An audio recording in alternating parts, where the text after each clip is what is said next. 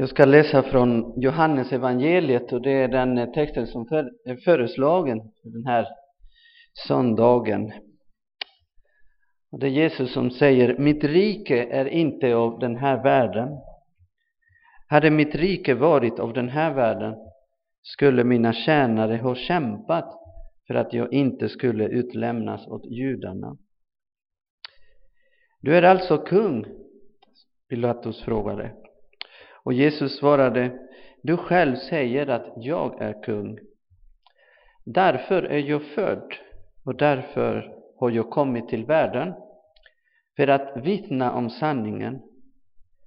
Var och en som är av sanningen lyssnar till min röst. Jag funderar väldigt mycket på de här, den här meningen som Jesus sa, mitt rike är inte av den här världen. Den här meningen har följt med hela veckan. Du har undrat det här på vilket sätt menade Jesus att hans rike är inte av den här världen. Sen tänkte jag så här också att vi kan fundera på hur ett världsligt rike fungerar. Och det vi har sett många gånger genom världshistorien är att ett rike har fått herravälde genom krig och grymhet och våld.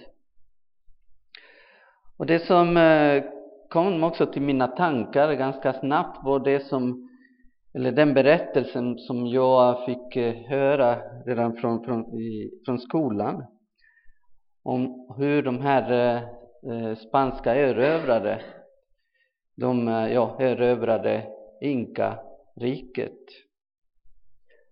Det var bara ett hundratal eh, spanska krigare som hade samlats uppe i Anderna i staden Cajamarca. Och de hade bestämt möte med Inka-kejsaren och Inka-kejsaren han kom tillsammans med 6000 män. Och ja, den här berättelsen är väldigt lång, men när kejsaren var inne i den här torget, då kommer prästen, Valverde, den katolske prästen med en bibel och säger till kejsaren att det här är Guds ord. Och kejsaren han tar bibeln och vänder den upp och ner, sen närmar det till sitt öra och säger jag hör ingenting. Och då kastar han bibeln i marken. Och då tycker prästen Valverde att det här var en hemsk gärning, den här hedning måste straffas. Och då börjar spanjorerna skjuta sina kanoner. Indianerna hade aldrig sett och hört kanoner hade aldrig sett en häst. De trodde att soldaten och hästen var en, en enda varelse. Och den dagen går inkariket under. Och de här 6000 män, de dör. Det var bara en av spanjorerna som dör. Och de tar kejsaren i sin grepp. Och den här berättelsen egentligen om vi går igenom världshistorien, den upprepar sig. Här i Sverige, i Europa, i Afrika. Och det är så här, på det här sättet, liksom som ett rike vinner mot ett annat, tar makten och erövrar. Men Jesus sa, mitt rike är inte av den här världen. Och det är så här att Guds rike är alla människor älskade och värdefulla. Inte som det händer många gånger i vår värld där människor hamnar utanför och blir bara brickor i politikernas ja, maktspel. Och Gud, verkligen, i Bibeln ser vi att han, om man ska använda ett starkt ord, han hatar orättvisor. Alltså när människor blir illa behandlade och till och med mördade i hans namn. Och budskapet är väldigt tydligt.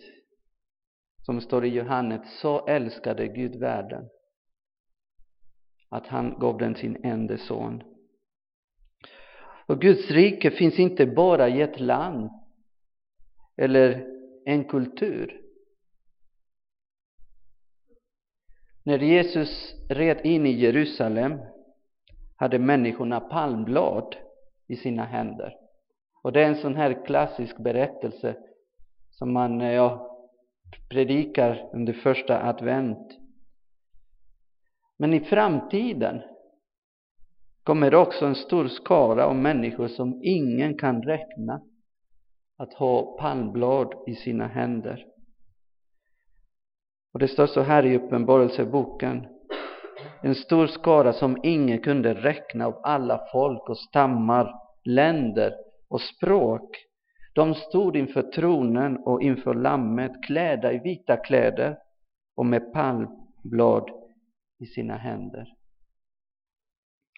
Alltså, Guds rike inte har bara med vita eller asiater eller fransktalande eller svensktalande personer utan har med människor av hela världen.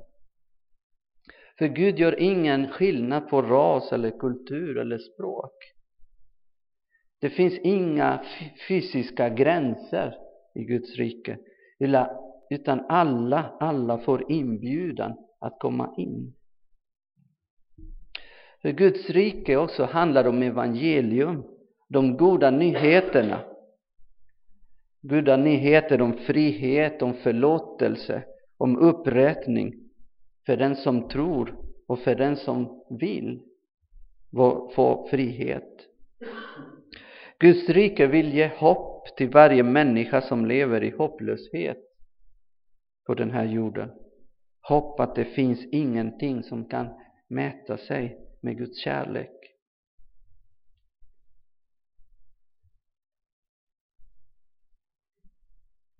Och Jesus säger också den som inte tar emot Guds rike som ett barn kommer aldrig dit in. Med de här orden säger Jesus att Guds rike är tillgängligt för alla. Så att till och med ett litet barn kan komma in. Man behöver inga meriter eller ha en hög utbildning eller tjäna mycket pengar för att komma in i Guds rike. Man behöver inte ha en sån här VIP-inträde eller tillträde som man ser ibland på de här flygplatserna. Det är bara sådana här visa personer som kan gå in på de här platserna, VIP-platserna, utan Guds rike är öppen för alla. Guds rike är för de som är ärliga, öppna och nyfikna när det gäller Gud.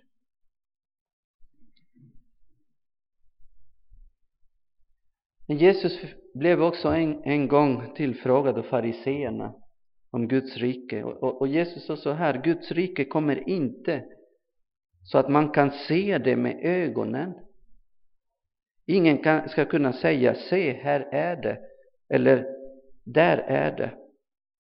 Och då säger Jesus så här, nej, Guds rike är inom er. Så Guds rike föds i, i människas hjärta, alltså den finns inom oss. Den är osynlig på det sättet att man kan inte ta på den. Och Guds rike är bland annat ett tillstånd, liksom kärleken och friden. Vi kan inte ta så på kärleken eller friden. Men vi kan leva i den, vi kan finnas i den. Och Guds rike finns i dem som vågar ta emot den och som vill ta emot den. Och Jesus avslutar den här, de här orden när han säger att han har kommit till världen för att vittna om sanningen. Och vad är sanningen? Det var också Pilatus som frågade Jesus, vad är sanningen? Och i vår värld sanningen kan vara många saker. I alla fall så säger man i världen idag.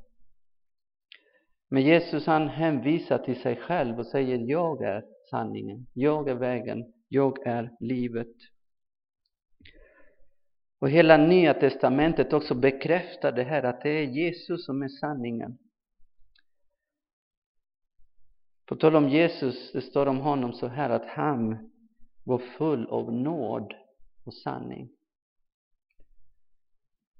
Jesus säger, ni ska lära känna sanningen och sanningen ska göra er fria. Och det är den Jesus också som lever idag, mitt i vår vardag, i vårt samhälle, i vårt land och i, i världen. Och han upprepar också de här orden till mänskligheten och säger jag är vägen, jag är sanningen. Jag är den frihet som du längtar efter. Det är jag som kan ge dig förlåtelse. Det är jag som kan, eller det är jag som är dörren till det här riket, det här Guds rike. Och det är det erbjudande också som vi får också idag. Att kunna vara en del av det här riket. För Gud han är mitt ibland oss och han verkligen bjuder oss. Och att det är vi som får tacka ja och säga bara med ett barns tro, ja, jag, jag vill tro. Jag vill ta emot det som du vill ge mig. Det är bara genom Jesus som är sanningen. Det är bara genom honom som vi får tillträde i Guds rike. Vi ber. Tack Herre för den här första adventsgudstjänst och tack för glädjen. Tack också för att ditt rike är inte ur den här världen. Och Herre, för att var och en som vill och som tror kan komma in. Det spelar ingen roll i vilken samhällsklass eller vilken ras eller språk eller kultur. Du tar emot alla som vill vara nära dig.